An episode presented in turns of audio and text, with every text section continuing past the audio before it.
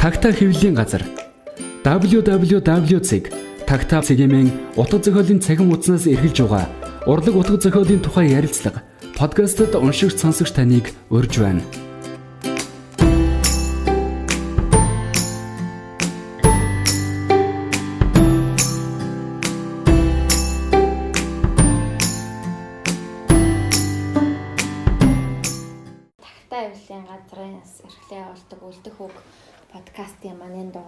Бид нэр сайхан манахаас хэвлэлтээс гарсан нохоон зүрх тийм Михаил Булгаковын нохоон зүрх туужийн орчуулагч сугар эрдэнэ гуураад байгаа мөн тагтаа хөвлийн газрын ерөнхий редактор Бямнам за тэгээ баясгалан миний бие байна. Тэгээд за тэгээ сугар эрдэнэгээ те өмнө хамт ажиллаж байсан хүн танилцуул.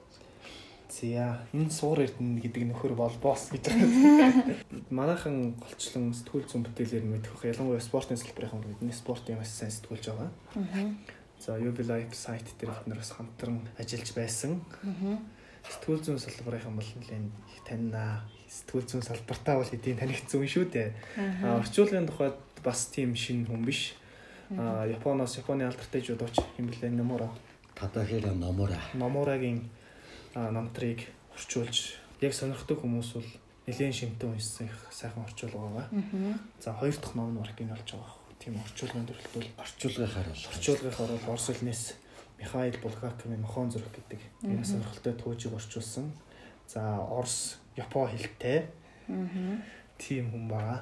Бид нар бол өнөөдөр суур эрдэнэ гэдэг орчуулагчийн Мохон зураг гэдэг зохиолын орчуулгын тухай гээд ер нь түмэн шидийн юмны талаар ярилцахаар бэлдээ тийм. Бидний гурван аяг ус байна. Тэгээд энийг дуустал. Тэгээд уугаад ярилцсан. Тагтаа авилын газраас жил болгон зохион байгуулдаг тагтаа автах зохиолын шагнал гардуулах яслал сайхан болсон. Тэгээд энд болохоор өгүүлгийн төрөлт сурагт маань төрүүлсэн байгаа тий. За тэгээд Япон зохиолчийн өгүүлэг орчуулж төрүүлсэн байсан тэндээс яриа эхлэе тий. Яагаад тэр зохиолчийг сонгосон гэдгийг надад их сонирн байсан л да. Их сонсоогүй дуулаагүй олонд ер нь Японд ч гэсэн нэг их танигдаагүй. Тийм зохиолч. Зургийн ч олдохгүй. Окамото Кейзо. Тий, Окамото Кейзо гэдэг нь юу гэдэг вэ тэр зохиолын нэр чинь? Нибукаваро. Нибукаваро гэдэг. Тэгээд тэр их уртаа баг тууж маягийн болцохоор тийм өгүүлэг байсан. Гэт яагаад энийг сонгож орчуулах болвоо? Зохиолчийн тухай ч яг Окамото Кейзо гэхэр бас бас яг тодорхой хүрээнийх нь мэддэг зохиолч юм байна лээ. А тэгээ яагаад энийг орчуулсан гэхээр одоо энэ зохиолч маань 2013 онд байна нас орсон. Тэгээ эхнэр нь манай ихчтэй танил. Эхнэр нь манай ихчид тэр номоо дурсгсан. Энэ бас нэг Нибукаваро гэдэг бас өөрийнх нь тийм хит хитэн тууж өгүүлэлгүүд орсон тийм оо зузаанд ном байдаг. Тэрийг манай ихчид дурсгсан байсан. Тэгээд ихч маань надад тэр номыг өгөөд тийм одоо тэр ном Нибукаваро гэдэг нэртэй. Тийм болохоор одоо нэг хамгийн тэр дотор байгаа хамгийн алдартай сайн юугаараа нэрлэдэг штеп. Тий өгүүлгээр. Тийм болохоор би бусдыг нэг сайн уншаагүй зүгээр яг тэр Нибукаваро гэдгийг нь сонгоод номоо нэрлсэн юм чинь ингээд сонгоод уншсан чи ер нь нэг тийм одоо нэг жирийн амьдралын тухай гэх юм уу? Ер нь бас нэг ээл уншаад тахаар бас би бас өөрөө Японд нэлээд удаан амьдэрсэн болохоор тэр яг тэр гудамжнуудын нэр тиймэрхүү одоо их тэр идж байгаа хоолны нэр тэгэл нэг саке нь ер нь нэг тийм дотн надад ойрхон санагдаад. Тэгээ одоо тэнд нэг тийм гудамж гэл ингээд гараад идэг штеп тэр гудамжаар ч гэсэн урд нь явж исэн болохоор ер нь тиймэрхүү ойрхон санагдаад тэгээ тэрийг нь ер нь орчуулъя гэд. Тэгээ бас уншихаар бас Голбаатар маань нэг л их заллин хийдэг архуугаал ингээл сууж идэг хүн юм шиг анх яаж байгаа ч гэсэн тэр хүн чинь бас нэг юу байгаа юм дээ. Бас нэг яруу найраг мэддэг бас ингээд шүлэг зохиол мэддэг. Тэгээ бас хөрхи заллин хийж байгаа ч гэсэн нэг юм редакторлно гэж аваад бас нэг иймэрхүү тийм бас соёлтой хүн. Тэгээ бас банк ATM заачрлж явахдаа хүртэл шүлэг уншиж байдаг. Бас тийм хүн шүү дээ. Баг бүрийг тийм нэг архиугаад бүр нэг ингээ бүр яатсан тийм яхаалтцсан хүн биш шүү дээ. Тэгээ бас тэр хүний чинь дотор юм зөрчил байгаа шүү дээ. Тэр аавгахаа мөнгө өгсөн тэр мөнгийг амар баярлаад үрчмээр байгаа ч гэсэн бас ингээд тэр чинь аав ахта буцааж өгье гээд.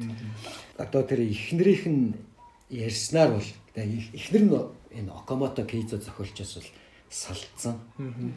Одоо яг энэ гол баатар чинь болохоор тэр хин өөрөө байгаа байхгүй. Зохиолч Окамото Кейзо өөрөө. Окамото Кейзогийн эхнэр нь болохоор айгүй мундаг бас зохиолч, редактор хүн. Тэгээ манай тэр зохиолч маань одоо эхнэр нь айгүй тийм ажил төрлийн урагштай сайн яваад. Тэгээ яг тэр зохиол тэр гардаг шиг нөгөө Окамото Кейзогийн орлого нь нэг бага. Тэгээд нэг юм редакторлох тиймэрхүү ажил мажил хийгээд Тэгээд ингэж яагаад яг тэр номны зохиолчийн баатар шиг ингээд ихнэр нь салаа явцсан. Тэгэхээр одоо баг одоо намтар гихчлэн цаашаа. Гэхдээ ер нь бол тэр зохиолч өөрөө тэр гол баатар маань болж байгаа юм л та.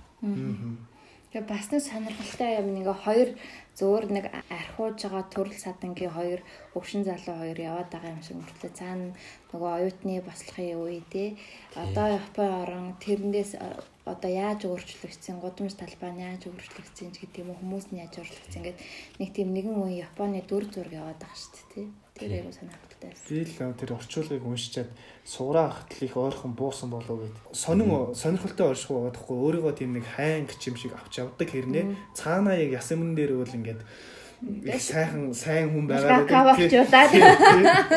Сууж байгаа байхгүй юу. Тэгээд тэр нэг сонирхолтой санагцсан да. Зохиолчийн тухай би бас зүгээр хайж үзсэн чинь тийм юм лээ. Манайд ч ихсэн байгаа штэ. Одоо жишээ нь Пүрвжийн баяр сайхан гэвэл хэр олон хүн таних уу те. Өөр тэрнээс олон бүхэн мэддэг зохиолч гэж байна те. Тэрэн шиг нэг тийм олонд танигдаг өмөртлөө их хөөрхөн чаас исэн зохиолуудтай, гой зохиолуудтай. Бид нэрээ яриад байгаа үүлийг олж уншиг бол тагтаа авилын газрын тагтаа CGM гэсэн вебсайт руу ороод гигэн шоу гэсэн булан дотор нь манай уралдааны шилдэгүүдийн бүтээлүүд байж байгаа. Тэн дээр сугар эрдэнэ орчуулагчийн нэгүү Небукаваро. Небукаваро. Тэгээ Небукаваро гэсэн өгүүлэг байж байгаа. Тэрийг бас сонирхож уншаарай. Манай одоо уралдаан төрүүлсэн өгүүлэг байгаа. Тэгвэл тэр их гой түүхтэй юм байна те. Их ойрхон сонин тохиолдол учирсан түүхтэй юм шүү дээ. Тийм байна. Их нэртэй найзээсэн тэргээ нэлээ ойрцсон тийм түүх бай шүү. Одоо ер нь тэр номноос хэрвээ ингээд цаг зав болд юм бол бас ахаад нэг богино өгүүлэгч юм уу Акумато Кейзо зохиолчийн өгүүлгээс бас нэг орчуулж үзмээр санагдаад л хаанх уншихад ингээл нушуу юм шиг өрнө их гоё бичт юм байлээ шүү бас. Цаагаараа бас их гоё. Бид юм нушуу зохиолууд унших айгуу дуртай ш. Деталь хэсгүүдээр айгуу гоё ажиллаж өгдөг тий. Тэгэл нөгөө бас энэ тусгаш юу утга зохиолын шагнал эднэр нэг хэд нэр дэвшээд бас хүртчихсэн юм байлаа юм байлээ За Нохон зурх туужийг Татай авилын газрын санал болгосноор орчуулсан тий. Нохон зурх туужийн тухай ярихаас өмнө Булгаковын тухай жоохон мэдээлэл өгч юм ба. Михаил Булгаков гэж Арсын алтартай зохиолчийг бол манайхан бол Мастер Маргарита романаар нь сайн мэднэ тий. Цэг гомсронгойн сайхан орчуулгаар манад буусан санагдаад. Гомсронгойн орчуул. Гомсронгой орчуул. Тий. Мастер Маргарита буусан. Яг яг төрсэн он цаг нь л хамгийн сонирхолтой үед төрсэн. Яг хүүхэд наснд дэлхийн 1-р дайны үед өнгөрцөн. Тэгээд эд бүтээж төрөх наснд 2-р дайны эхэн дээр бас таарсан ч гэдэм юм уу. Тийм хоёр их дайны тэг дунд төрч өсөн. Тэгээд тэр үеийн Орос орн гэдэг бол яг нөгөө дайны хөл дор. Жинхэнэ дайны бүжигнаа дажин дунд байсан. Тэрнээсээ болоод амьдрал нь чамгүй бас эргэлт гарсан тийм л зохиолч юм билээ. Би бас Булгаковын яг зүгээр хувь амьдралын тухай мэдэхгүй яг мастер Маргарита хоёр романаар нь дамжуулж мэддэг болсон. Тэгээ сая ном нь одоо орчуулагч гарсны дараагаар зүгээр намтар материалс нөхөрч явахд бол уран зохиолын өрөөнийхөнтэй болоод улс төртэй нэлийн айхтар хүн орооцолцсон шүргэлцсэн тэр одоо хүрээлэлтэй ерөөсө таалагддаггүй байсан битэр хүлээж авдаг. Ийм нэг зохиолч. Өөрөө бол Украинд төрсэн юм л шүү дээ. Тэр үеийн. Киевт төрсэн. Киевт төрсэн. Ийм зохиолч юм байлээ. Ангаахын мэрэгчлээ. За эмчээр ялангуяа хүмүүс заслын эмчээр ажиллаж исэн. Тий, энэ зохиол дээр нь ч гэсэн нэлээд тав туссан байгаа шүү дээ, тэр нөгөө хагалгааны нарийн ширээ юм ихт талталж өчтдөг тий. айгүй тийм нөгөө хүн зохиолчдыг ингээд хянаад байх юм бол өөрийнхөө мэддэг хэсэг тэр айгүй гоё детальч өчтдөг нэг бүрчлээ ингээд тэрийг ингээд за ингээд хуйхын салгаад тархиных нь хальцыг бүрхүү хальцыг ингээд ингээд ингээд гүр амар тэгээд тэр нөгөө нэг тийм нэг эмний тэр нэгширсэн нэг үнэр байдаг та тий. Эмийн сангийн. Тэр үнэрийг төрсөлж байгаа нүртэл надад ингээд бүр хаанх тавьдал үнэртчихсэн байхгүй. Яг эмнэлгийн л нэг тийм үнэр байдаг та гэдэг. Нохооны бодож байгаа штэ нэг тийм сонин үнэр үнэртлээ гэд. Тэгэхэд яг ингээд мэдрэгч байгаа байхгүй. Тэр шиг зохиол бүтээлдүүдээр тэр нь асар ажилтдаг. Тэгсэн чинь энийг уншичаад харин би юу л редакторлж байгаа хавцтай уншиж авцал та. Тэгэд энийг уншичаад бодсон чинь мастер маргарита хоёр бол асар их өөр штэ. Тэгэхээр энэ зохиол нэг зохиолчийн зохиолууд дандаа нэг зохиолчоос гарсан одоо ах дүүнэр дандаа хоорондоо адилхан байдаг шиг адилхан байдгүй их хоёр өөр А тэгвэл бичигдсэн цаг үеийн бол энэ хоёр зохиолч нь баг зэрэг шахуу бичигдээд а мастер багийн бол араас сүлд яг нас орохын өмнөх нь дуусгасан юм билээ. Тэгэхээр энэ сонин тохиолдол байсан. За тэгээ Булгаковыг яг Булгаков үгээр нь таниулсан хамгийн гол хоёр зохиолын нэг нь бол мастер марэр нэг нь бол нохон зүрх тий.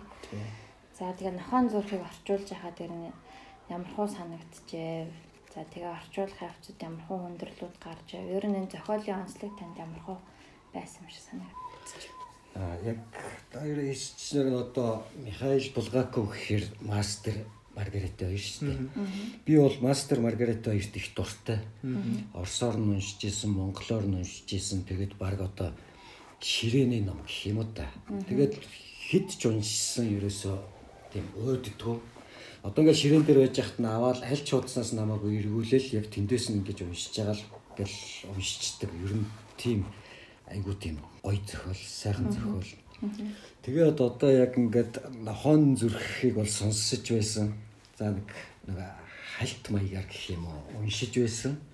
А тэгээ яг орчуулах бол гэхэд бол ер нь Булгако гэдэг нэрнээс нь л одоо сүрдэж байгаа. Би одоо яаж Булгако орчуулж чадах юм бэ?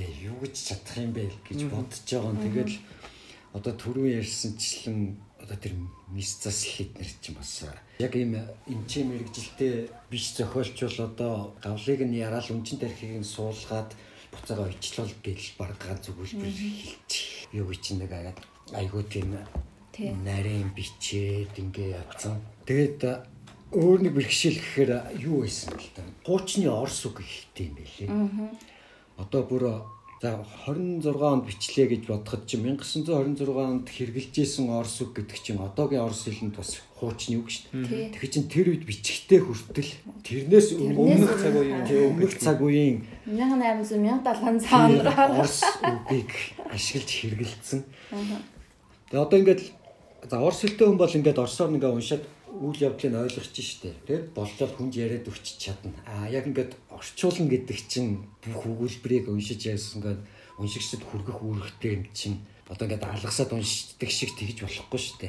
Тэгээд тэр үгнүүд нь бас ингээд одоо Орос Монгол славаар тол бичвүүд дээр бол байхгүй. Тэгээд хуучны үг. Тэгээд нөгөө дайлын нэвтэрхийдэл тэгээд Николай Ошиоговын нэвтэрхийдэл гэсэн тийм Оросын нэвтэрхийдэл тайлбар толиод руу ороод энэ үг одоо яг юу гэж байгаа юм бэ гэд. Одоо тэр Монгол орчуулга байхгүй юм чинь тэгээд тэр нэг утгыг нь тайлбарласныг нь уншаал тэр нь айгуу тийм гоё бас нэг том хичээл болж өгч байгаа л да энэ үг чинь ийм дээр ийм үг чинь ийм утгатай гэдэг юм байна. Гэл тэр талаараа бол бас зүгээр нэг орчин үеийн орс хэлээр бичсэн тийм нэг зохиол орчуулснаас илүү орчуулж байгаа хүндээ тийм үлдсэн үлдээцтэй өгөөжтэй тийм зохиол хийсэн. Одоо нэг ноход хүний өнчин дээр их суулгаад нохоо хүн болоод тэгэл ингээл амархан юм шиг мөртлөө чинь дотроо бас юутай шүү дээ. Айгаа янз янз нюанстай. Тэгээд ч ер нь бас их зүйл засгийн эсрэг яаж тэр үедээ ийм зохиол биччихэд одоо баригдаад буудуулж байгаа ингэж бодмоор үгнүүд хүртэл байдаг тийм.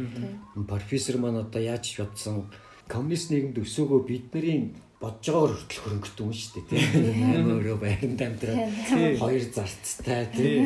Тэгээд тийм хуваараа бас нэг бизнес шиг хагалгаа эднэр хийгээд ингээд байгаа. Яг нь бид нар бодоход хүртэл баян хөрөнгөтөн л ангийн баг ангийн дайсан шиг л хүн шүү дээ Тэгээд тэр хүний хэлж байгаа юм шууд пролетард би дургүй. Тэгээд пролетаруудад би дургүй гэл тээ. Тэгээд би бас пролетард би дургүй гэд профессор Пирабржинский шууд хэлчихэж байгаа юм. Тэгээд дараа нь зөвлөлтийн сонин битгий уншижээ гэж ингээд энэ хоёр үгийг хэлсний төлөө баг буудуулчихд болохоор тэгэхэд чинь одоо Оросд ингээд Булгаков тэгээд ингээд байгаад байсан байна. Тэгэхэд одоо баг Монголын хэлмэгдүүлэлтийн үед чинь баг манай зохиолч эднэр чинь ийм юм бичвэл одоо зүйлтийг даган дуурайж исэн Монгол бол харин ямар ч алдартай зохиолч чинь иймэрхүү хувьсгалын эсрэг юм бичсэн бол одоо баг бариад буудчих байсан баг гэд бодож исэн. Тэгээ бас Михаил Булгакович хин Горки бас их өмөрдөг. Ер нь Сталин ч гэсэн бас ингээд шүүмжлээд ингэж байгаа ч гэсэн бас Сталин шууд утасддаг, гэрлүүн утастаад ингэдэг бас нэг тийм хаяа хаяа хамгаалцдаг тийм байсан байна. Сонин харилцаатай байсан маа тий. Сталинтай сонин харилцаатай байсан юм тий. Магадгүй тэр утгаараа үлдсэн ч гэж магадгүй. Тэгээ яг энэ Булгаков Сталин хоёрын харилцааны талаар чинь баг бүхэл бүтэн эрдэм шинжилгээний ажил мажил хамгаалсан тийм юмнууд байдгийн билээ л дээ. Харилцаагаар нь баг эрдмийн зэрэг хамгаалсан хүмүүс ч байгаа юм. Сталин гэдэг ч одоо амар дарангуулагч л баг хүн өдөөс нь харж чаддгүй шүү дээ. Тэгэхэд одоо нөгөө зохиол бүтээлийн хэвлэхгүй жүжигийг нь театр тавихаа болоод тэгээ амьдрах аргагүй болоо мөнгөгүй болчиход шууд Сталинд энэ намайг ингэж байгаа бол шууд гадаад гарах ирэх өгөө би гадаад руу явъя гэж шууд хэлж чаддаг бас нэг талын тийм зоригтой, ир зоригтой тийм л хүн байсан байна л гэж бодож байгаа шүү дээ. Харин тий. Тэр хоёрын харилцаастай сони юм байлээ. Би паралтааруудад дургу зөвлөлтийн сонин битгий ууш одоо юу гэдэг чинь бүр тэр нөгөө нэг байрны зөвлөлийн хідэн нөхдүүд байгаа шүү дээ тий. Паралтаарын төлөөлөгч. А нөгөө хэн болохоор профессор бол хөрөнгөтэй ангитны төлөөлөгч тий. Тэгтэл энэ хоёрыг дундаас нь нэг тийм мандчихсан юм шиг нэг тийм хүнд өрст нохоо гарч ирж байгаа шүү дээ тий. Профессор хэлж байгаа шүү дээ. Яг энэ паралтарын төлөөлөгчдэр нөө байрны хин блэ? Швандер. Тий, Швандер энийг одоо өөртөө тал тохоо татаад энийг ашиглах гад байна гэж бодож байгаа ч гэсэн эцсийн эцэст энэ өөрийг нь зуунаа гэдгийг ойлгохгүй байна ч гэдэг юм уу тий. Гэх мэтлэнгээ амар нарийн нарийн нюанс явжсэн. Тэр нь болохоор дандаа тийм улс төрийн нийгмийн тийм юугаа байсан. Эхний бүлэгч нь нөгөө нохооны бодол шүү дээ. Тий, дандаа нохооны бодол. нөгөө хөвтөл одоо яг нөгөө профессор гарч ирдэг шүү дээ. Тэгэхэд чинь а энэ иргэн гарч ирж гэнэ үү? Одоо жирийн ард л гэсэн тий. Пролетар аагүй энэ бол ноёнтон байна гэж бас яг тэр үеийн нийгмийн бас нэг тий гурван өөр төлөөлөл ангийн ингээ их. Тэгээд тодорхой пролетаруу төртөл сүүлийн үед пролетар өмсөд байдаг тий. Аа бишээ зах нь биш байна гэх. Тэгээ эн чинь бас юу яагаад байгаа. Майковский одоо хувьсгалын дуурч гэл одоо манайхан ч гэсэн шүтэн бишрэл гэдэг одоо нэг цогт яруу найрагч Майковскитэй их муу арил. Майковский бол Булгаковыг бүр газар дор ортол нөө сонингууд эднэрээр шүүмжилдэг. Тэгээ бүр Булгаковын эсрэг арга хэмжээ аваад одоо жүжигийг нь битгий үз эсвэл жүжигийг нь шүглэлт эднэр гэсэн тийм юутай. Хин чин Майковский чин бас их шүлэг бичгээсээ гадна одоо нэг рекламны зар сурталчилгааны тийм богинохон үг олохтой их сайн байсан. Тэр үеийн ихэнх тийм улсын үйлдвэрүүдийн рекламны үгнүүдийг Урал Озанг Урал Озанг Майковский зохиодог байсан. Одоо баг нэг төрлийн халтуур нь гэх юм. Тэгээ одоо энэ дээр нөгөө юуны хоол гэж байдаг шүү дээ. Одоо нөгөө профессор нэг хям өгöd. Тэгээ пром юуны хоолоо би мууртаа хуваалцахгүй гэдэг шүү дээ. Тэр чинь бол яг Майковский бүр тэр газрыг нь бүр рекламддаг байсан. Бүх хүнсээ эндээс аваараа гэж рекламддаг байсан. Тэрийг бүр зураг туудсуулаад гарцсан байсан. А тийм болохоор нөгөө юу гэх юм бэ? Булгаков ч одоо Майковскийг шууд шүүмжлээд ингэсэнд орвол тэргээр нөгөөдлийн тийм нөгөө байдлаар ийм адгийн хоол шүү. Яг нөгөө Майковскигийн Майковский эндээс аваад идэг гээд байгаа газар чинь яг ийм новши юм хийдий шүү гэж ингээд Профессора та энийг юугаар хийдгийг нь мэдсэн бол идэхгүй байсан. Л наадхыгаа битгий авъя. Тэгж яхаар надад хаяад өгчих гэдэг яа. Чи ингээд цаагаараа Майковскиг бас Тийм Майковскиг төгссөн бахан тий. Тэгээ уран зохиолынхоо нөгөө тодорхойлолтонд хүртэл юго зохиол гэж явд юм биш үү тий. Тийм сатирик гэж сатирик гэж одоо юго л юм л да. Юго югоцсон тууж зохиолох юм уу тийм ихтэй. Тэр нюансууд нь их сонирхолтой тий тэр нохооны бодож байгаа хүн болоод хувраад ирэхээрээ жоохон хагас хүн болоод хувраад ирэхээрээ бүр тэр бодож байгаа бодол нөгөө хажууд байгаа профессорт ч юм уу тэр пролетаруудад хандаж байгаа хандлага мандлага их зэвүүн болоод ирж байгаа. Хашир бол зүгээр их санаа суугаа тий. Одоо шарк гэдэг нохоо байхдаа бас их тэр чин добрый илдэг зөөлөн сэтгэлтэй нохоо байсан шүү дээ. Тэгээ Шариковгийн хүн болчоороо тийм бүр нэг аратан шиг тийм. Тэгээ нөгөө тэгээ нөгөө одоо яг тэр нэг хідгэр бүлэг дээр нөндөө нөгөө профессор бүрс цөхрөөд одоо энэ наадхын чин юу цээжин дотор нь одоо ертөнцийн хамгийн бузар муухай зүйл болсон хүний зүрх одоо цохилж байгаа шүү дээ. Энэ чинь бол одоо бүр аимшигтай. Одоо энэ муур алах бол одоо юу ч биш. Энэ бол одоо наач наацхийн цаашдаа наац шарикууд чи юу хийхийг бол одоо төсөөлхийн аргагүй гэж хэлж байгаа юм. Тэгээд одоо энэ кино байдаг шүү дээ. Евстигнеев гэдэг нэг алдарч жүжигчин тоглосон кино. Дасууг нь гадаадд бас нэг кино хийсэн. Гэхдээ Евстигнеевийн кино нь илүү сайн. Тэгээ нөө би бас орчуулахын тулд киног нь Үдсэн. оо айгүй олоотой үзсэн л дээ. Одоо шарик гэд нохоо байхад нэг бүсгүй ирээд нэг шарик шарик гэд ингэдэг штэ бичээч бүсгүй гэдэг тий. Тэр бичээч бүсгүй чинь одоо яг ингээд тайлбар бичихгүй бол одоо зарим уншигч ойлгоогүй гэж магадгүй. Тэр бичээч бүсгүйг чинь шарик нөх хүн болцоо оноо би энтэй суун гэд дагуулад түрээд Аа, ирдэг. Бүсэн хоёр чинь нэг нэг Тийм юу шүү дээ. Одоо л анцгар. Тийм. Тэр нохоо байх үедээ тааралдахдаа болохоор бичээч хүүхэн ингээд тийм цалин авдаг ингэдэг гэж бичсэн. Яг энэ хоёр бичээч бичээч гэд ингэхээр яг юу яана гэж тэгтээ хэр оргийн хүн тэгэл ингээл юм бичээч чи тэр Тэр Тийм. юу чи энэ муу юм байна гэж ойлгохгүй шүү дээ. А кинон дээр болохоор яг тэр нөгөө нэг юугаараа дүрсээр гардаг. Дүрсээр Оо, нэг киноны ихэнд дэсэг үг. Тийм тийм болохоор яг би бас сүулдэ бодсон л да энэ доор нь ингээд зарим нэрээ тайлбар хийсэн дээр байсан ч гэж магадгүй гэж бодсон байхгүй. Яг тэр бүсгүй чинь тэр шүү гэдгээр юу хэлэх гээд байсан бэ гэхээр чи одоо нөө шарк нохоо байхдаа оо энэ хөөрхөн амтын бүсгүй одоо ингээл хүүтэнд нөгөө нууц амраг та таалагдах гал ингээл нэмхэ уцслаад ингээл гүүжэн хөөрхөн амт нь бас намайг ингээд ийдэг зөвлөг хэллээ. Энэ одоо хөөрхөн ингээл юм уу гал ингээд өрөвдөө бодож идэг шүү дээ. Тэгээд тэр чинь нохоо байхдаа тэгж бодож исэн мөртлөө хүн болцсон шарик болцсон байна болохоор альбан тушаалаа ашиглаад би энтэй гэрлэн гэдэг нөгөө нэг чинь ингээд бүр нохоо байсан үеэсээ илүү харгас болцсон. Чи натаа суухгүй бол би чамайг халаа хийж шүү байгаа юм Харж шүү. Даалгавраа. өрөвдөө тийм байсан мөртлөө хүн болцсон өнөө тийм болсон гэдгээр нь бол яг тэр нөгөө бичээч бүсгүйгээр бас тэрийг харуулсан байна. Одоо жишээ нь нохоо байхдаа энэ ээлдэг зөвлөө өрөвчгөн байж байгаад хүн болоод тэр чинь онгороос асуу хүн амтныг загиндах болоод эхэллээ шүү дээ. Тэрсгэлж болоод. Тэгээ энэ чинь бол одоо яг одоогийн Монголын нийгэмд ч гэсэн юу байхгүй юу? Одоо энэ манай их хурлын гишүүн одоо энэ компани захирал махирал ч юм уу тэдний дунд бол энэ шарико бас зөндөө байгаа байхгүй юу? Яа тэгэхээр одоо жишээ нь нохоо байхдаа гэж хэлэх нь ашиг. Зүгээр иргэн тэр хүн байх бид байлээ. нар дунд Хин байхдаа ч ш байх та тий.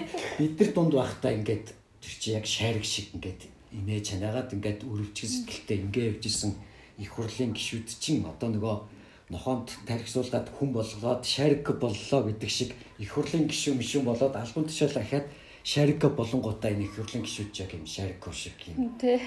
Манай Шариков чинь конторд нэг тийм муур агнах хэлсэн дарга болдог штэ тий. Хурган дарга болонгуудаа тий. Тэгээ хүний би лав гэж бодсон. Тэгэхээр алтан тушаалд янз бүр юм. Хүний ер нь язгуурын л мөн чанар байх. Ямар ч хүн дээр тийм араншин гарна байх. Тэрийг жоохон хэтрүүлдэг нэг байна. Жоохон ийм баланслаад явдаг нэг хэсэг байна тий.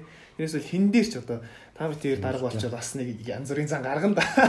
Тий. Аль нэг хэсэг дээр нь бол янз бүрийн зан гаргана шүү. Тэгээ би бол яг ингээд бодож явахдаа орчуулж явахдаа энэ ер нь бол яг ингээд шарико болцоод ингэж байгаа нь бол одоо бас манай нийгмийн одоо энэ нэг за өөрхийн нөгөө 76 гишүүнээ дандаа муулаад идэг гэдэг шиг.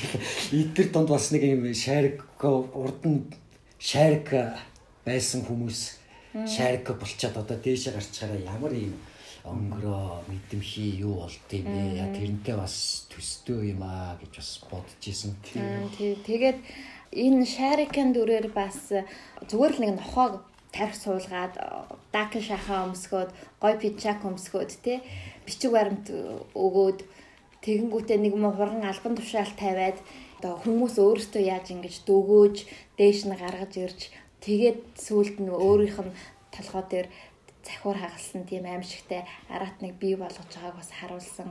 Өөрөөр хэлбэл хүмүүс өөрсдийнхөө тэр одоо аюул занлыг өөрсдөө бүтээдэг хамгийн хөгийн муухай амьтдыг хүртэл өөрсдөө бий болгодог гэсэн санааг гаргасан гэж нэг Тэр нөгөө профессорыг хүртэл яг тэр нөгөө профессорыг дүрсэлсэн байдлыг тэгээ профессорын гаргаж байгаа аяг зан тэр алхаа гიშгийг хүртэл Лениныг яжсан гэж хүртэл бичсэн байлаа шүү дээ тэр чинь. Тэр Ленин бол тим хэсэг бүлгийг бүтээсэн. Тэгчингүүдээс эцэст нь өөрөө тэр хэсэг үлээ бас дарахад ч хүрсэн гэж байгаа байхгүй эргүүлээд өөрийн гараар Янз бүрийн одоо энэ нөгөө өөр их баялаг зохиол учраас тэгээ өөр юм далд өгөөтэй учраас ч хүссэн өнцгөр яаж л бол яаж тайлбарлах юм бэ л дээ. Жишээлбэл 17 оны октябрийн хувьсгалын чинхүү зорилтыг илгэлсэн ч гэдэг юм уу тий. Тийм. Тэгэж хүртэл тайлсан. Надад нэг сонь санагдсан юм зүгээр бидний хамгийн сайн мэддэг хувирлал нөгөө Капкагийн хувир шүү дээ тий. Нэг өдөр Гергор Замза ингээд орон дээрээ ут болцсон гэдэг шиг. Тэр бол нөгөө хүн өөрөө хувирчаар гадна орчны хүмүүс бусд нь яаж хандах вэ? Хүн яаж хандах вэ гэдэг асуудал тий. А Булгаков бол өөр амьтан зүгээр хүнээс өөр төрөлтөн хүн болчоор өөрөө яа хэн болж бусдад яаж хандах вэ гэдэг нэг хоёр юм туйлын асуудал байгаа юм л та. Тэгэхээр бид нар бол зөвхөн Григор Замзагаа хувирлыг ярьж гисэн учраас үнэхээр нэрээ өөр төрөлтөн хүн болчихвол яадаг вэ? Яс юмн дээр үл тэр чинь нохоо эзэж хүн болох боломж байгаа ч юм уу мэдэхгүй шүү дээ тий. Хүн өөрөө өөрийнхөө одоо байгаа оршуугаас дээр юм уу тэр саяны ярьдаг шиг өндөр албан тушаалт ч юм уу эд хөрөнгөнд гинт хүрчгээрээ ямар хэн болж хувирах вэ гэдэг нэг хувирлын тухай асуудал байгаа шиг санагдсан л да. Хамгийн анхны уншигч болоод редакторч яхад төрсөн нэг бодол нь бол Булгаковын бичлэг нь өөрөө их сони юм билэ. За гомсронгой орчуулга бол их сайн орчуулга. Энэ орчуулга дээр харахад бол Булгаковын бичлэг өөрөө их өрмөц тэр бидний түрүүний ярьсан тэр нюанс эхлээл нохон бодол явж байна тий. Тэгээд тэр харилцан яриануудад бас их сони юм билэ. Энэ бичлэгийн өрмөц байдал танд орчуулахад тэр төвөгтэй байсан. Сайн хадгалж орчуулсан байсан. Яг тэрийг нөхөр сайн. Тэр нь яг барьж орчуулсан байсан яг дээ. барьж орчуулсан. Эч одоо миний орчуулга хоёр дахь ном гэдэг байгаа шүү дээ. Эхнийх нь болохоор нөгөө би чи спортын сэтгүүлч хүн. Эхнийх нь болохоор нөгөө жудочи намтар болохоор ер нь бол надад орчуулахад хамаагүй хялбархан өөрөө мэддэг юм болохоор а энэ болохоор ерөөсөө одоо өөрийнхөө үг мөгийг оруулаад ингээл уянгийн хайлуулаа явчихаар ингээд нөгөө булгак хүн биш болчих штеп. Хичнээн үйл явдал нь шарик гэдэг нохонд үнчин дээр суулгаад шарик болоод инглээгээд үйл явдал нь ижилхэн ч гэсэн өөр болчих штеп. Тийм болохоор урд нь бас яг ингээд ийм том юм орчуулж үзег болохоор тэгэл ер нь Тохиолж явах нь. тий яг энэ зохиолчийн юугаар нь л явъя. Бүр нэг эвдэж мэвдээд янз янз болгоод ингэж зүрхлэхгүй юм чи угаасаа тэгэл яг тэргээр нь л орчуулахыг хичээсэн. яг тэрийг нь барьж орчуулсан мэдгэдэл яасан да уншихад те. Ер нь тэрийн ч зүг бах. Зохиолч хүний хамгийн гол зүйл чинь тэр өөрийн гэсэн бичлэгийн арга хэв маяг штэ те. Тэр өгүүлбэрээ харилцан яриан дээр хүртэл өгүүлбэрээ дутуу орхидог ч юм уу их богино үгээр ярьдаг ч юм уу баатруудаа их богино үгээр авдаг. А Достоевский бол хэний Булгаковын хажууд харьцуулаад байхад шал өөр штэ те. Баатар нь ингээл өглөөд идэх нуршаал ингээл өрөөнд дотор яваал нуршаал өглөөл ингээл байдаг. Шууд харилцан ярианаас өөрийнхөө бод руу шилжээ цаашаа нуршаа явчихад дороо. Тийм байдаг. Тэгэхээр яг энэ зохиолчийн бичлэгийн арга барилыг яс тас барьж орчуулсан нь бол надад маш их одоо таалагдсан. Эндээс зүгээр монгол хэлд уншигчид Булгаковын бичлэгийн арга барилыг зохиолын орчуулгыг уншаад мэдэрнэ гэдэг бол бас их сонин санагдах байх. Сайхан санагдах байх гэж бодсон.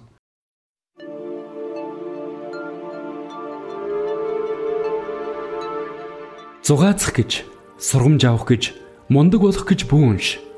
Амьдрах гэж унш. Густав Флавер Энэ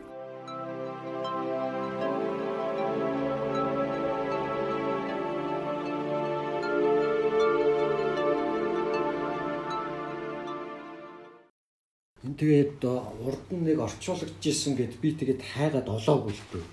Би олсон. А тэр бол эхнээсээ ингээд дутуу, дундааш дутуу ингээд баг 5 улбар дунд л ингээд дандаа дутуу юм билээ. Өөрөөр хэлбэл эн чинь нөгөө нэг хажааж нөгөө бүрэн хөвлбөрийг оллоо гэсэн чинь тэр чинь болохоор хаанч хэвлэгдэжсэн баг англиарч орчуулсан юм уу тийм маш дутуу хөвлбөр байл. Одоо жишээлбэл эн чинь юу гэж эхэлж байгаа вэ? Хөөе намайг хараад би өхөж байна гэж ингээд нөгөө нэг нохон гаслангаар эхэлж байгаа шүү дээ. Тэгэнгүүт тэр болохоор профессор гарч ирээд өө эн чинь нөгөө порилтаа руу эсвэл юу юу Аа, ноёнд нь тэндээс эхэлж байна. Тэгэхээр бүр-. Тэгэхээр тэгэж ингээд ингэж явж илээ. Тэгээд за энэ нь бол бүрэн бус орчуулга юм байна. А энэ дээрээс нэг э, дөрөөлөд нэг асуултаас хаад эн чин Булгаковыг э, нас барсны дараа нь Европод хоёр чуулгар нь хэлэгдсэн тий. Зохиолынх нь. Тэгээ гурван хөвлөр байгаа шүү дээ. Энэ одоо ямар учиртай гурван хөвлөрөө таны барьсан хөвлөр нь аль хөвлөрийг нэг сайхан тайлбарлаж өгөөш. бид хоёр бол өмнө нь нэг тайлбарлах гэж оролцсон тэр жоохон учир хөтөлөг юм болсон баг тий. Тэрний учир начрыг та яг аль аль хөлбөрийг орж орчуулсан. Яагаад тэр Европод хоёр Ер нь ягаад наад наадах чи ингээд хөвлөгдөхгүй явсан байгаад тий. Гараар дамжиж. Ер нь бол яг нөгөө нас орохынхаа өмнөхөн бодлогыг авч баг нүдэн сохроод ингээд авгаадаа хилж бичүүлж иж нөгөө мастер маргаритаг дуусгасан гэдэг Тийм шиг мэлээ. А яг тэр шиг зохиолоо ер нь бол хинт авгаадаа 3 дахь авгаа байна. 3 дахь их нэртэй. Тийм 4 дахь их нэртэй үлдээсэн. Тэгээд хин тэр эхнэр нь бас хэвлүүлэх гэж бол их оролцсон юм байлээ. Тэгээ ерөөсөө юуны эсрэг хавсгалын эсрэг үг олон ч байгаа юм чинь тийм.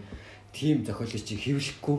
Тэгээд л одоо нөгөө Оросын боловсралтай сэхэтнүүд чинь ингээд гар бичмэл шиг маягаар л нэг тийм дамжуулж уншдаг байсан гэсэн. Тэгэл мэдээж хэрэг тэр үед чинь тэгэл нөгөө гадаадынхан бас ирж байгаа штэ. Тэгэл гадаад руу ямар ч гэсэн тэр юу бичлэг нь л гарсан гэсэн. Булгак чи өөрөө яг жинхэнэ хөлбөрөөр шатаацсан гэдэг. Аа, Тэгээд яг тэр гараар дамжсан хөлбөрүүд нь болохоор бас зарим нь болохоор бүр тийм хувьсгалын эсэргүй юмыг нь хасцсан. Тийм янз янзын хөлбөрл гар дамжиж яваал. Одоо нөгөө чойны мишэлгүүд дээр үед ингээд л яваад яваад идэх шиг л нөө Оросын боловсралтай сэхэтнүүд гар дамжуулж уншиж байгаа л тэгэл ямар ч гэсэн баруунд гарцсан. Тэгэл англи германд хэвлэгдсэн гэд тэрэндээ бүтэн биш яг жинхэнэ биш хөвлбөр мөртлөл тэр нь пөөх чи өста зүйл засгийг ингэж юмжилсэн өгөөдсөн хошгилсан өста айгу юу вэ зохиол байна гэл яасан бэлээ. Тэгээ миний сонгож авсан болохоор одоо яг нөгөө утга зохиол судлаач Лидия Яновская гэдэг яасан гэдэг байгаа. Тэр нэг хангалттай яг нөгөө имэгтгэл. Тэрэнд бол яг жинхэнэ хөвлбөр нь гэж Оросд нэрээ орсон. Танж хассан юм байхгүй байхгүй гэж Оросд яат юм байлээ. Би бас яг ингээд одоо энийг орчуулж явахдаа яг нөгөө номыг ингэж үзэж сууж үзэж орчуулж ягаад Word дээр ингээд копидж авчиж тавьж ягаад ингээд орчуулдаг шүү дээ. За ингэж ном ингэж харж орчуулж байгаа орчуулснаас одоо ингээд коп- хүмүүсийн нэр мэрээр хүртэл амархан гэж залхуураад нэг хөлбөрийг копидод авчираад интернетээс олсноо тэгээ орчуулад 3 4 хуудас дууссан. Тэгээд тэрийг орчуулж дуусчаад тэгээ гэртээ ирчихэд яг нөгөө жинхэнэ нөгөө номоор цаасан ном хэлбэрээр нь ингээд уншиж исэн чинь өдөр орчуулснаас өөр тэг би чи. Гү би яг энийг орчуулсантай ийм байгаагүй дээ гэд. Тэгээ буцаад нөгөө юугаа файлаа нээгээд нөгөө интернетээс сайсныгаа нэтээр гаргаж ирээд ингээ номтой ингээ харьцуулсан чи. Бүр огт өр болцсон. Огт өр. Тэг би бүр гайхаад уу за за ер нь ингэж нэтээс ингэж яахгүй юм байна. Айгуул бол нөгөө 3 хөлбөрийнх нь бурууг нь барьж орчуулад бүр яах юм байна гэд. Тэгэл яг нөгөө цаасан номоо бариад орчуулсан. Одоо жишээ нь ингээл нохоо эхлэхдээ л нөгөө нохоо тийм амархан яахгүй гэл нохоо ч боддог шин. Би одоо уйллаа гэхэд бол одоо ингээд нэг шарах эднараасаа уулж яа нүг хийс биш гэл тий. А тэгсэн чинь тэр нөгөө хөвлбөр дээр нь болохоор одоо нохоо миний хувь зэ ингээ өнгөрч нохоо би одоо өстө бүр юугаа гэд ахиж амьдрах зориг зүрх зоригч байхгүй боллоо. Одоо би баг ингээ үхийдээ иднэр гэд тэр чинь л одоо маш том нюанс шүү дээ. Тэгэл ер нь тиймэрхүү 2 3 хөвлбөр байдаг юм байна лээ. Тийм болохоор бас яг нэтээс Орсоор нь татаж уншия гэж бодож байгаа хүнд хэлэхэд бас зөв буруу хөвлбөр гэж байдаг юм байна лээ шүү. Дээр үеийн Орсын сэхэтнүүд ч аа, ер нь уран зохиолын уншигчид гэсэн нөгөө хаалттай зохиолуудыг нэг нь нэгнээсээ дамжуулж аваад уншичаад өөрөө тэрийгэ заавал 5% ингэж хуулж бичээд тэгээ 5 найздаа өөд нөгөөдүүл нь бас ингэж уншичаад дахиад 5 5% ингэж сүлжээ маягаар тараадаг байсан юм л нууцаар. Тэгэж тараахта баригдуултээ надаас авсан гэж хэлэх учраас заримдаа өөрийнхөө үзмжээр нот тохисхийг хасчдаг ч юм уу тий жахан зохиогоолоо зөөлөлчдөг энэ төр байсан. Тэгээ Орсын нөгөө тэр үеийн энэ үе Булгакын үе биш л дээ. Бүр 80 70 80-аад оны сэхэтнүүд нь болохоор шөнийн 3 4 цагт юм уу эсвэл өглөөний үүрийн 5 6 цагт аль гудамж чимтэй нэг тийм тогтсон гудамжинд ингээд номын нууц худалдаа явагддаг. Ном хянцны Нөгөө баг тий. Тэнд бүр ингээд одоо энэ Булгако нөгөө Арбатын хүүхдүүд эднэр гэсэн нэгэ тэр үед өстө нөгөө гарын югаар дамжуулж исэн тэр Арбатын хүүхдүүд ийм Булгако эднэрийн тим зохиолуудыг чинь бол яг бүр үүрээр очиж ингэж хоорондоо солилцож зарад худалдаж ингэж авдаг. Тэгээ Оросын ард түмч их уншдаг ард түмэн шүү дээ. Тийм болохоор л ер нь Оросоос бол юм сууд сууд зохиолч төрсөн ш. Одоо жишээ нь ингээ Японд нийтийн унаа, метро, галт тэрэг одоо энэ автобус эднэр ингээ харахад ингээд комикс, манга юм зурагтай юм хэлбэрхэн юм бариад ингээ явж идэг. Уншаа явж идэг. А Оросд Оросын метро нийтийн унаанд ингээ харахад бол юм зузаан ном дандаа тийм. Тэгээ тэр нь зузаан ном зүгээр нэг тийм одоо сүүлийн үеийн тийм одоо нэг ашиг хонжооны гэх нь ч одоо хаашаа юм нэг тийм ном биш. Бүр тийм нэг харахад бүр нэг тийм хачин хувцастай бүр нэг юм одоо баг энэ одоо юу юм гэж бодмоор байгаа хүн чинь Толстой эднэр Достоевский эднэр дэлгэцэн ингээ уншаа явж идэг. Яг тэргээр нийтийн унаанд ороход л Оросын ард түмэн бол дэлхийд ер нь ямар ч улс үндэстнээс илүү уншдаг ард түмэн. Тийм болохоор одоо жирийн нэг тийм тэтгэврийн хөгшин жирийн нэг сэлвэсэр барилга чинь хүртэл тийм сонгодог зохиол уншиж байгаа юм чинь одоо яг бүр их жинхэнэ тэр эрдэмтэн профессор юунууд нь бол бүр айхтар амар суут байх нь бол аргагүй гэж боддог. Манай ээж нөгөө юунд ажиллаж исэн байхгүй. Оросын нөгөө соёлын төв Эрдэнэка. Тэнд нөгөө Орос номын Оо за. худалдагч хийдэг байсан. Тэгээд нөгөө ээж дээр очдог. Очоод нөгөө лангууны арталт чинь нөгөө номын өрөө байгаа шүү дээ. Склад гэх юм. Тэнд нь ороод тэгээд дандаа Орос ном юм чинь. Тэгэл ингээл ойлгохгүй ч байсан ингээл сөхөж ингэж шарж уншиж байгаа л тэгээ сүултээ ойлгомоор санагтаад эхэлчихсэн. Тэгээд гэрлүүг авчаа. Ээж нь намайг надад аваад өгчих гэл. Тэгээд гэрлүүг авч явал тэгэл славаар яг энэ дэслэр тавьчихл. Ингээл баг эхлэл бол баг бүх үгийг нь шахвал ингээл хараал. Тэгэл сүултээ нөгөө славаар сөхөх нь ингээл багассаар агаал багассаар агаал тэгэл ер нь ингээл Орос ном уншаад Орос номд бүр хорхоотой гэх юм уу. Тийм болохоор би одоо ер нь Орос хэлэнд тэгээ Орос ном зохиол ер нь Оросын ард түмэнд бол хайртай л та. Тэгээ хөлбөмбөг болохоор хүртэл Оросын шиг шиг юм чи. Орос ахнаар Орос. Тийм байдаг байж. Бас нэг энэ зохиол дээр гарсан гоё хэсэг байсан. Нөгөө нэг профессор яриа нэг голоош гэдэг нэг гутлахаараад байгаа штэ тий. Тэгсэн чинь энэ одоо манай байр ингээд сүйдлээ энэ пролетарууд ирээд энэ удирдлагыг аваад манай байр сүүлээ. Өмнө нь ийм ийм ийм гоё одоо ийм соёлтой байр байсан. Үүдэнд нь ингээ хүмүүс голоошоо тайлаад тий тэгээ шатаар өгсдөг. Тэгтэл одоо бүх голоош хулгаад алдагдсан тий. Тэгээ тэр голоошууд ихэн авав гэхлээр өөрсдөө л авсан. Одноо тэр нар чинь гуталтай голооштой болсон байж ээж гантик шатыг ингэж бохирдуулж явах ямар хэрэг байна. Энэ гантик шат шатаар зүгээр явчих болдгоо мүү гэдэг. Тэгэхээр би яг тэндээс бодож исэн бахаа хүмүүс ингэж пролетарууд ч гэсэн ингэж засгийг аваад ч гэдэг юм уу те гарч ирж байгаа нь нийгмийг сайн сайхан туурах гэж байгаа илүү сайхан туурах гэж байгаа нэг тэмцлийн нэг хэлбэр үстэй. А тэгтэл хуучин нийгмийн сайн сайхан юмыг аваад а түүн дээр нэмээд явах тухай огт боддгоо. Заавал тэрийг дараад устгаж ээж бүх юмыг шинээр эхлэх тухай яриад байдаг те. Тэгэхээр энэ өмнөх юм сайн сайх юмыг тордож аваад цаашаа явах те нэг тийм залхам чалааны тухай уган дээр профессор яриад байгаа шиг юм те Тэгээ бүр яг нөгөө он заангут яг л октябрь явсгал тийм болчихсон. те он заагуул октябр 17 оны тэр нэг өдрөөс хойш манай байранд юу байхгүй болсон. Бас л нөгөө явсгалаас явсгалаа. Тэр нэг 8 өөрөө байр. Тэгээд тэр нэг профессор нэг хэдхэн дөрүүдээр л Оросыг яг Тий. гоё төлөөлж байгаа юм Тий. Хи- Айгүй гоё хуваарлсан байгаа тий. Тэгээд тэгэл нөгөө нэг байрны зөвлөл гэж нэг юм байгуулгал хажууд нь баахан хурал хийгээл дандаа хурал хийгээл тэгэл дуулаад те нөгөө нэг одоо юу гэдгийг хувьсгалч дуугаа дуулаад те. Тэгэнгүүт чи эднэр ингэж дуулж яхахын оронд зүгээр ингээ гараад те ажил ажиллаа хийвэл одоо илүү сайн байна гэж. нь цасаа арилгаал одоо юу юугаа хийхэд сүрэл гэж байхгүй болно. Тийм яг жинхэнэ сүрэл гэдэг бол гэдэг айгүй гоё үг байсан шүү. Тэгээд яг сүрэл бол толгойд биш юу толгойд байд юм аа гэж Жинхэнэ сүрэл бол толгойд байдаг юм аа.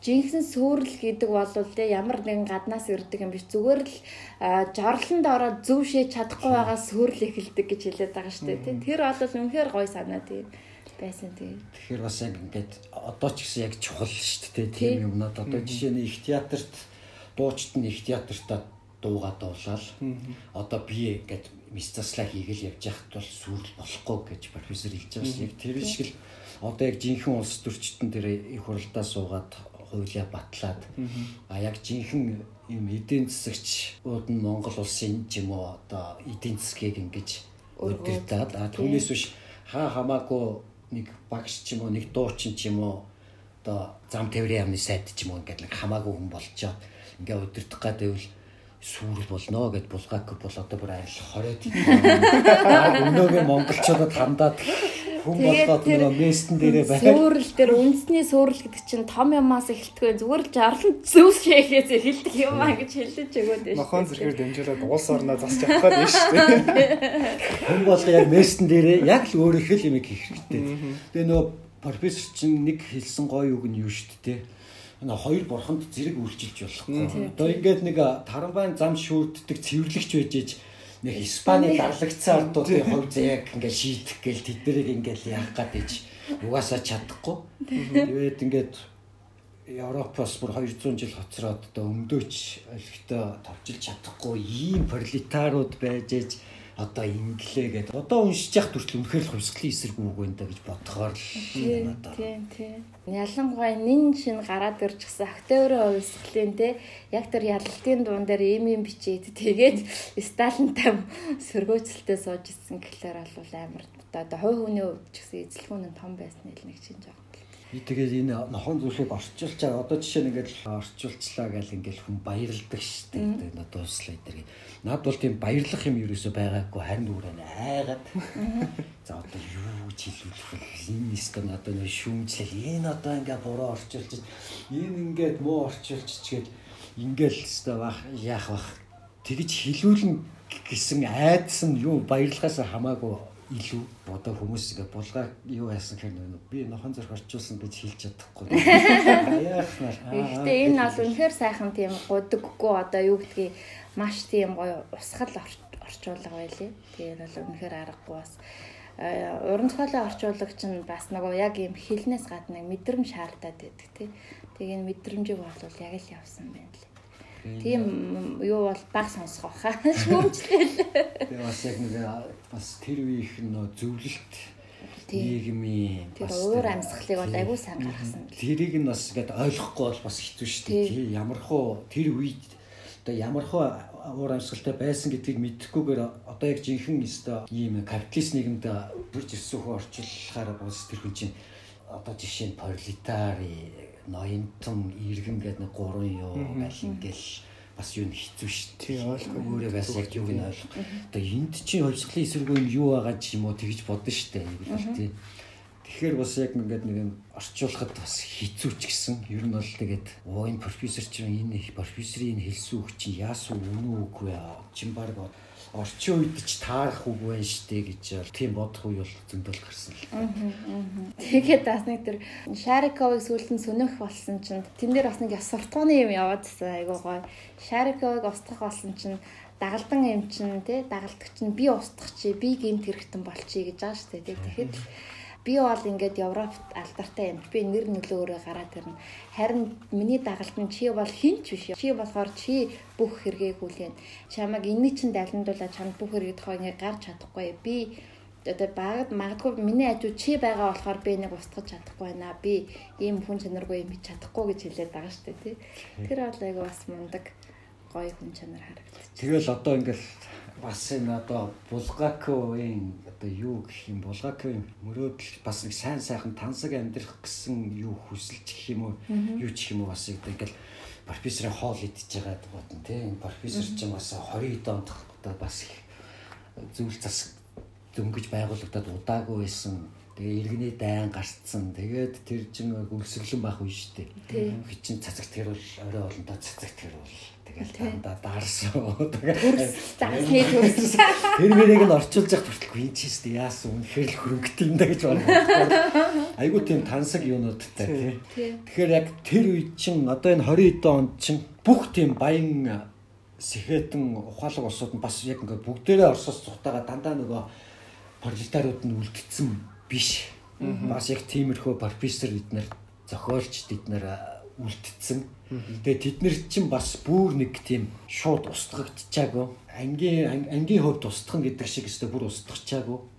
Тэгээ бас яг ингээд зэрэгцэн оршиж исэн үе байгаа нэ яг нэг пролетар. Яаж оршиж исэн нь бас яг заалттай тэгээ энэ ном дээр байсан шүү дээ тий.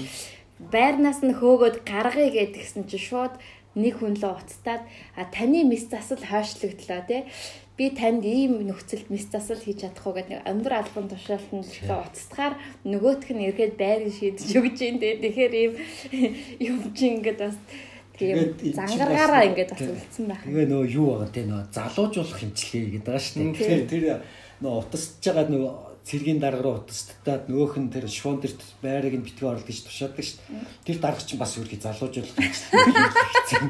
Тэгээд бас ингээд хүмүүс шаваал идэг шүү дээ. Бид нар чинь бүгдээр л залуужуулах юу хийлгэсэн.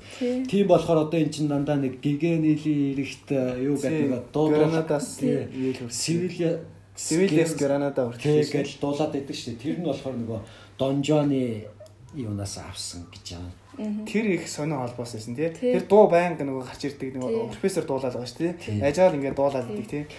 Тэгээ сандарсан үедээ ч гэсэн тэр үг нь дуу яадаг ингээл тэгээд тэр дандаа Донжоноос авсан тэгэл нөө залуужуулах хэмжлэгээ хийж байгаа. Тийм болохоор одоо гэдэл ингээд зохиолч өөрөө холбсон юм байлээ. Зохиолчин ер нь л ингээд хамгийн сүүлийнх нь юу ингээ харахаар бас юу. Тэгээ яг гэгээ нийл ирэхлээр дуулаад дуусж байгаа шүү дээ. Тэгээ энэ чинь бас ахаад туршилтаа хийж байгаа байхгүй тий.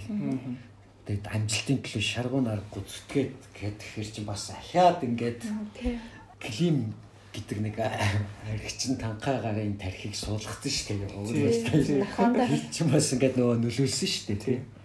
Тэгээ одоо ингээд цаашдаа бас ингээд ажиллал байгаа л гэснээр л бас. Сүүлсрүүгээ тэр тэгээд байдаг шүү дээ. Дагалдагч нь клим гэдэг танхаа балмад те нөгөө аригчны тархийг суулгаагүй хоёлаа бүр спинозагийн тархийг суулгасан бол ямар байх байсан бол гэдэг штэ те агуу галландын агуу сэтгэгч спинозагийн тархийг нохоод суулгацсан бол нохооноос тийм спиноза төрөх байсан болов те ингээд байгаа юм зохиол. Нөгөө профессор чи хэлдэг штэ.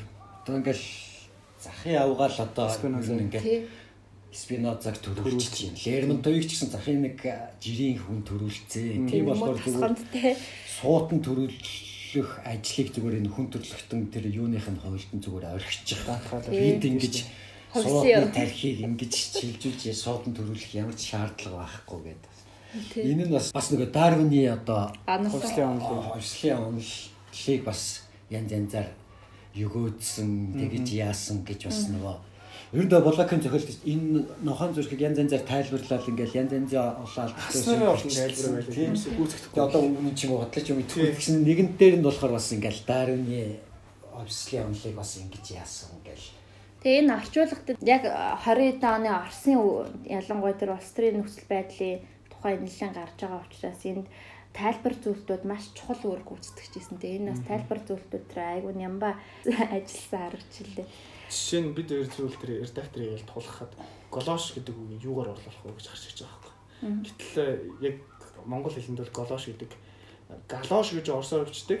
Нөгөө монгол хэлэнд ороод ирж дуулахдаа бол голош гэдээ оролцсон байхгүй. Яг голошоор л дууддаг. Гутлын өмнөөр гадуур угалдаг одоогийн улаач биш байгаа. Бодорчиг бодгоо их зузаан бүр гутал шиг гадуур бүр өмсдөг. Гадуур өмсөй. Шалбаагийн донд өмсдөг. Усны гутал ахгүй ер нь бол Усны удлыг дээр манайхан юг ойлгох гэхээр нөгөө цовны усны гудал ч юм ийм урт юм ойлгох гэдэг байна. Эсвэл зүгээр гутлаа тайлаад гутлын оронд өмсчдэг одоо гарч байгаа юм гоё завгартай усны гутлыг ойлгох гэдэг байхгүй. Нөгөө зайлшгүй тайлбар хийгээл галош гэдгээр нь явахгүй.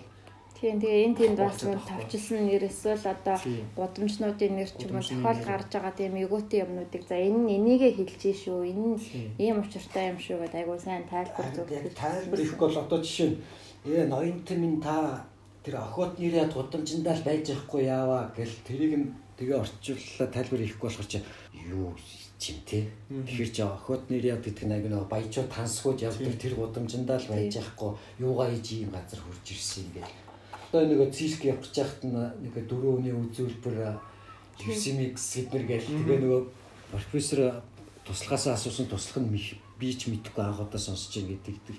Тэгсэн яг тэр яг энэ бичиж явах үед нь тэр үед нь яг Москвад яг энэ дөрвөн 9x гэсэн нэг тийм үзүүлбэр яг цирк жинхэнэ тоглож исэн. Тэгээ яг тэрийгээ яатсан оруулсан байна. Тэгэхээр бас яг ингээл ер нь яг тэр гудамжны нэрүүд нь ч бодтой яг л тэр үеийнхээ юг харуулсан. Тийм. Тэгээд үе тэнгийнхаа яруу найрагчдыг өгөөдгөж бас мартаагүй тийм Майковскийг өгөөддөг шиг нөгөө нэг тань шиг юм 8 өрөө байрн тусгай юм байрн айзадороо дункан чахаагүй юм гэдэг нь эсэм нэгнэртэй Америк хүн бүжигч Москвад амьдарч ирсэн.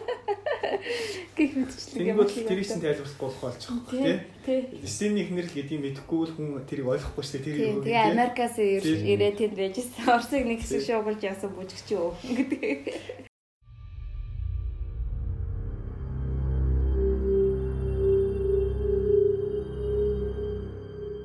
Би эцэст нь өөрийн шашнаа олсон билээ. Ном миний шашин, номын сан миний сүм хийд болсон. Жан Пол Сартр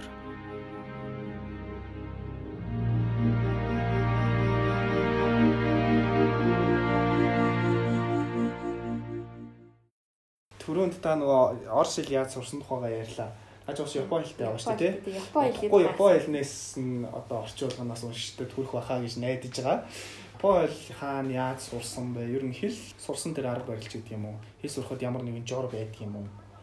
Ялангуяа залуу хүмүүсийн хувьд илүү их сонирхдаг асуултууд тийм. Ер нь бол юм унших л хэрэгтэй юм шиг харахад одоо жишээ би орс ном уншихын тулд одоо орс их сурч шít тийм. Одоо ингээд мэдхгүй гарч ирэх болгонд нь славаараар хайгаал залхуурахгүйгээр одоо бол ингээд Google Translate эднэр гэл ингээд хайчих амархан хялбар юм хялбарших тусам нөө хүнд яг сайн биш байхгүй. Суухан ясам дээр ингээд Google Translate гэдэг ингэчхэр чинь тэр хүнээс зүгээр тэр юугаа бичиж байгаа л хөдөлмөр гарч байгаа болохоос биш өөр нэг юм байхгүй. Тэгэл тэр гараад ирсэн үг нь ч гэсэн тийм хялбархан цанаас нь гаргаад ирж байгаа болохоор аа ийм үг юм байна гэдээ тэр нь толгойд нь суухгүй мартагдчихдаг. А өөрөө ч нөгөө тийм дамдын сургангаа нөгөө тойл байдаг шүү дээ. Орос Монгол тойл байдаг. Өөрөө тэрий чи ингэж сөхөөд ингээд нөгөө е үсгээр эхэлсэн үг байлаа гэхэд е үсгээ эхэлж ингэж хайгаад тэгээ ингэж яагаад аа эн чи юу юм байна гэд ингэхээр толгоонд үлдэх нь хялбар.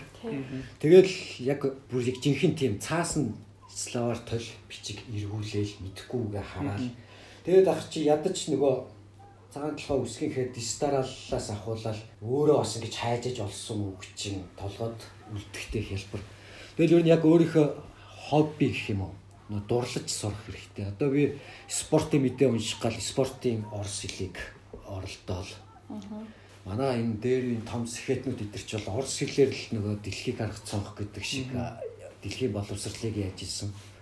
Тийм болохоор би бол ерөөсөө зүгээр Стop нэг үрчлэн шахуу славардаж ингэж байгаа л сүулдэ хайхт тоон нөгөө толгойд суугаад байгаа юм чинь хайх тоон багасаал багасаал багасаал тэгэл ер нь ингээд юм л уншаад идэв гэсэн ном уншаал идэв гэсэн.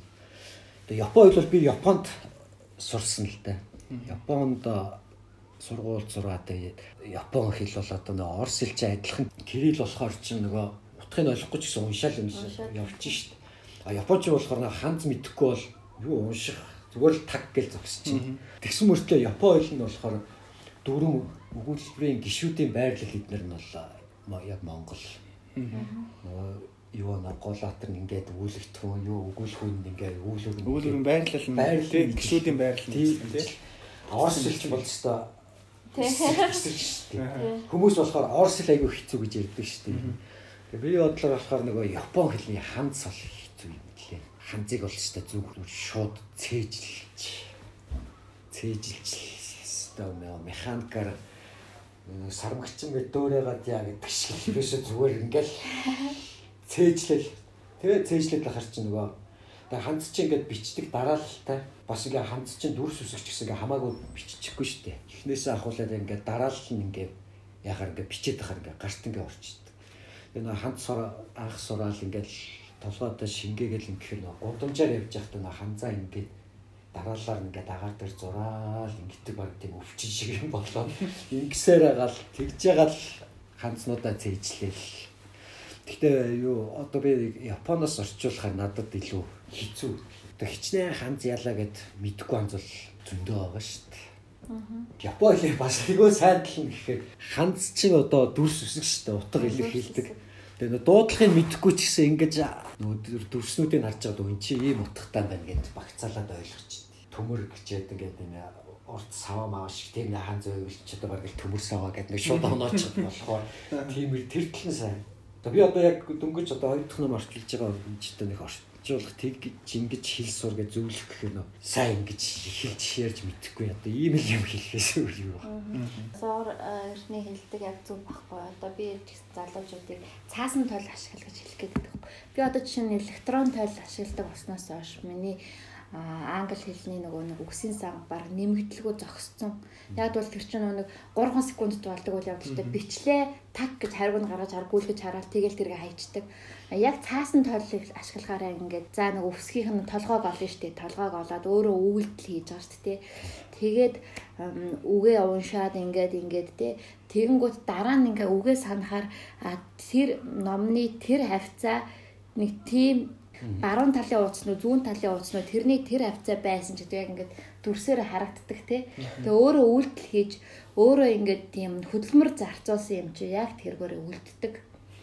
Тийм болохоор яг цаасан тал бол одоо чухал. Одоо яг яруу санд руу юм хийж явах мэдээж электрон тал бол ингээд явчих болж байна. Яг хэл сурж байгаа, хэл нухаж байгаа хүмүүс бол цаасан тал асар чухал. Цаасан толны эртний сүүлийн үеийн хүмүүс цаасан толныхоо тухай ярьж байгаа.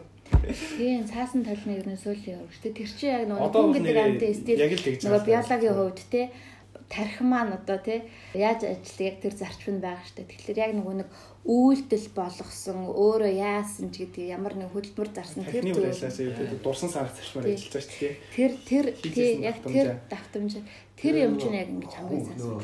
Илүү хөс гаргаж яасан юм амттай эднэр гэдэг шиг тэр хүн чинь одоо үнэлэмж нь өөрөө тэр миний мэдхгүй үг биш үү? Тэр үгийг чинь исламаараа сайхад цахимаар паг гал шууд гараад ирлээ. Тэрийг үнэлэх үнэлэмж нь. Өөрөө цаасан тул гэж цаас эргүүлж ингэж хайж байгаа үнэлэмж хоёр чинь би өөрөө дотроо бодохгүй ч гэсэн миний тарих ингэж бас нэлээд хөдөлмөр болж иж олсон юм чинь гээд миний тарих тэрийг автоматар ингээд яг үнэ үлдээ чинь а яг дөнгөж ингээд дэлгэцэн дээр гарч ирээд оо за за гэл ойлгочлаа байж тэр дэлгэцийг унтраахад тарих ийм амархаа олдсон энэ үг юм чин гэд тарих өөрөө устгаа ийчдэг. Бид тэр өөр мдээгүй баг. Тэр одоо яг үнэ тэрийг одоо л үнэхээр одоо одоо биеэрээ амссан хүмүүс ярьж байна гэж. За манай нохон зурагт өгүүлэлтээ үнэхээр бол яасан. Энэ тэр кино бас их би бас одоо энэ сонсож байгаа уншигчтай хэлэхэд тэр киног нь бас заавал үзээрэй. Киног нь үзэхээр одоо яг энэ Шариков тэр кино тоглосон жүжигчин байл одоо яг энийг орчуулж байхдаа миний төсөөлж исэн тэр Шариков бол яг л тэр кинон дээр яг гараад ирж одоо нэг юм дохом юу галын сарцаас үүсмэс юм юу гэлээ тэ дүрсэлсэн байгаа шүү. Бүрэн үний тэрхэн дөрөв тэр жүжигчин бол яг тийм. Яг яг л энэ дээр яасан Шариков мөн байна да. Энэ жүжигчний сонголт сайн байна да гэж бол бодсон. Тэгээ профессорт нь болохоор Евстигний юу гэдэг алдартай жүжигчин тоглосон. Тэгээд бас яг энэ киног хийж явах үед тэр алдартай жүжигчин маань тэтгэврт гарах нас нь болоод театраасаа ингээд тэтгэвртэй гар гэж бүр ингээд шахагдаад бүр яг тийм карьер замналынх нь айгуу тийм хэцүү үед энэ 87 онд хийсэн кино гэдэг ба штэ. Энэ кино нэ санал ирээд. Тэгэнгუთ өнөө хүн чинь тоглосон чинь одоо 87 8 он гэдэг чи яг л зөв нөгөө өөрчлөн байгуулт престройка эдгээр чинь болоод Горбачев эдний юу яагаал яг нөө жоохон дулаараад эхэлж исэн үед хийсэн. Тэгээ энэ тэр жүжигчин хүртэл хийх болсон байгаа. Яг тэр кинонд гарангууд тэр жүжигчин нөө унтарч исэн зам карьер нь дахиж сэргээд дахиж сэргсэн. А Шариков тоглосон жүжигчин бол тэр дүрээрээ алдаршаад дахиад айгуу тийм олон кинонд өргөдөд тийм алдартай жүжигчин болсон. Тэр одоо бас Булгаковын үлдээсэн нэг ганц зохиол нь хүртэл ингээл нэг хит хитүү Хүнийг хижээж байна. Би үргэлжлээд байна. Амьдралдаа анх удаага ярилцлага өгөөс сууж байна. Их хүний буян их гээл буйны нийтлээ сууж байна. Тэр хоёр жүжигчин бол тийм болохоор авшаа нөө шивэд лүү германд хийсэн кино байгаа. Тэр Италид хийсэн кино. Тэр бол нэг юу хийсэн болохоор барууны орны хүн. Яг тэр Оросын уур амьсгалыг гаргахтаа айгуу тийм муу. А энэ яг тэр Оросын өөрсдийнх нь хийсэн тэр Евстинийн тоглосон тэр кино бол хар цагаан. Тэгээ яг нөгөө профессор яг л ийм хүнтэй гэхээр л яг ерөөсөө яг тийм аюу гоё кино. Тэгээ би бас нэг мэдхгүй юм ингээл гарлаа гэж одоо жишээ нь кино ч яг нөгөө хэдэн тарагдчихж байгаа юм болохоор киног нь аюу олоод үзсэн л дээ. Тэгээ нэг бүр юу үзээд харааны бэрхшээлтэй иргэдэд зориулсан хувилбар нь Яг тэр киноны. За. Эхлэхэд одоо ингээд нөгөө лив фильм хийлээ гэдэг нөгөө юу ярьсан хөшөө эднэр гардаг штэ киноны өмнө. Тэр нь бүр ингэж тайлбарлалт юм байлээ. Петр хааны морин дээр суусан хөшөө гарлаа. Доотлолт нь лив фильм гээд тэр хэмжээний том, тим хэмжээний тим хар өнгөтэй үсэг гарч байна.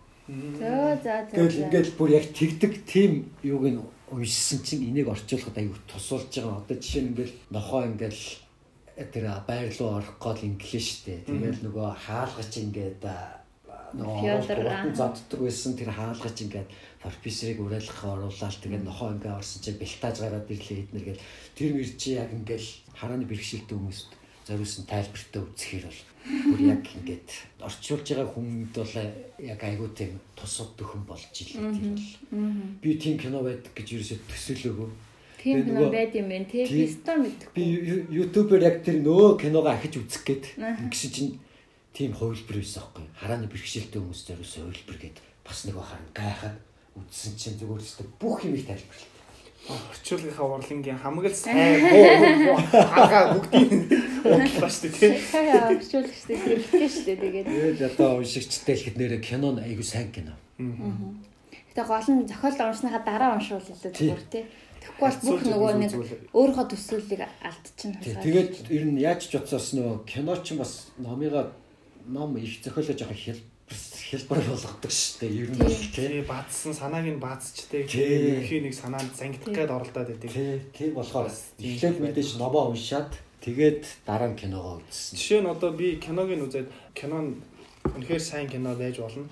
Гэтэ цохолоос авчихаа тэр олон санаанууд төрөхгүй л ахгүй тий. Тэр нюанс ч юм уу эсвэл маш олон янзаар тайлбарлаж болох тэр санаанууд зүгээр л кино энэ дөрүүд нь байна тий. Эндээс нэг л юм гарч шүү дээ. Тий, одоо жишээ нь ингээл тэр нохооны бодол одоо тэр гудамжнуудын нэр гэл тэгэхэд чинь кино үз- үзээд ингээд сууж байгаа биднэрт тэр гудамжны нэр сонсогдол ингээл өнгөрөө явчихна шүү дээ. А тэгэхэд номоо ном уншихаар чинь бас тийм юуны гудамж удамж гэдэг ном нь бас холбоос нь алуулж чадах тий.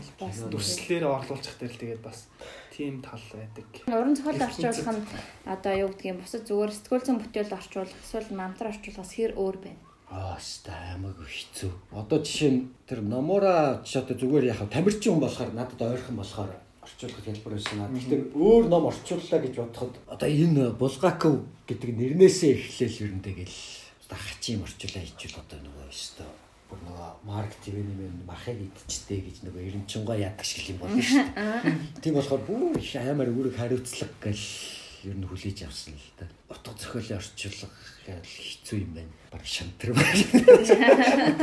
Одоо юм яа. Нөгөө хүмүүс Босхон дээрээ гисгиснээ буцаага явах чи буцаад явах чи тийм үү? Forest Gump шиг зөө за би явлаа. Би явлаа би өөрөөсөө би харьлаа гэх. Одоо хүн өөрөө ном бичлээ гэхэд би чи 8 жилийн өмнө сумогийн ном.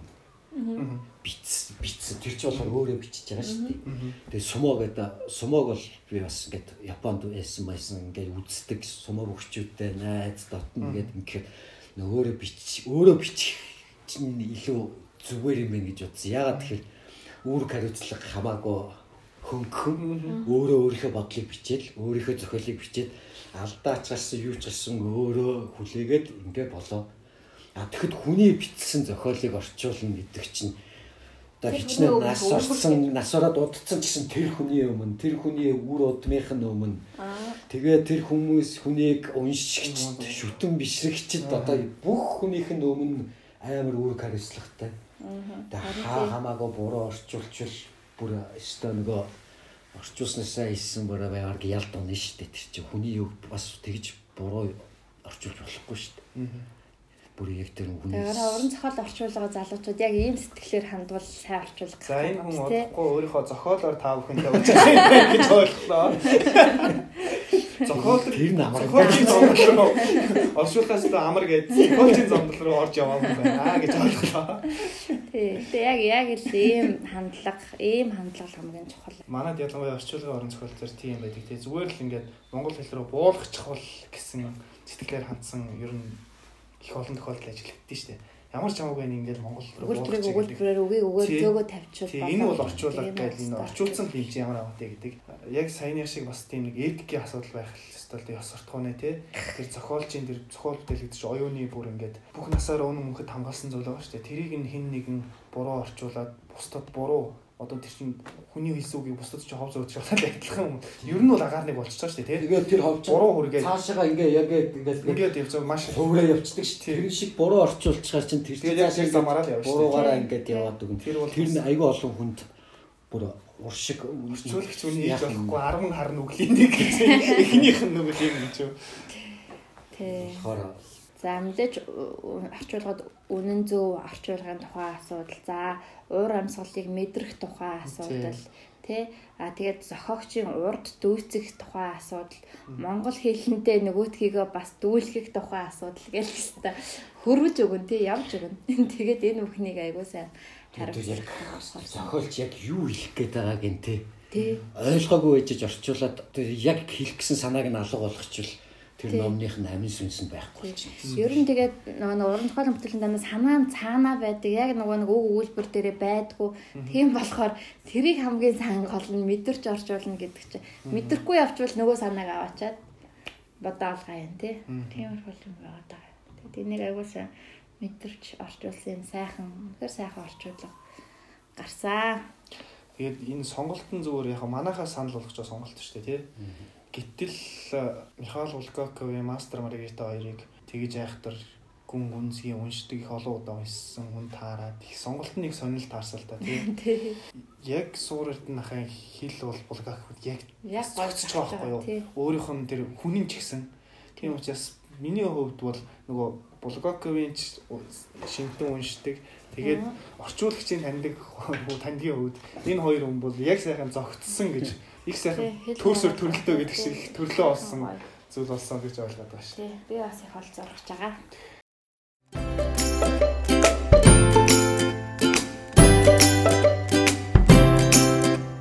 Тагтаа хэвлэлийн газар. Тулгатай уншигчдийн цугларах оюуны кафе.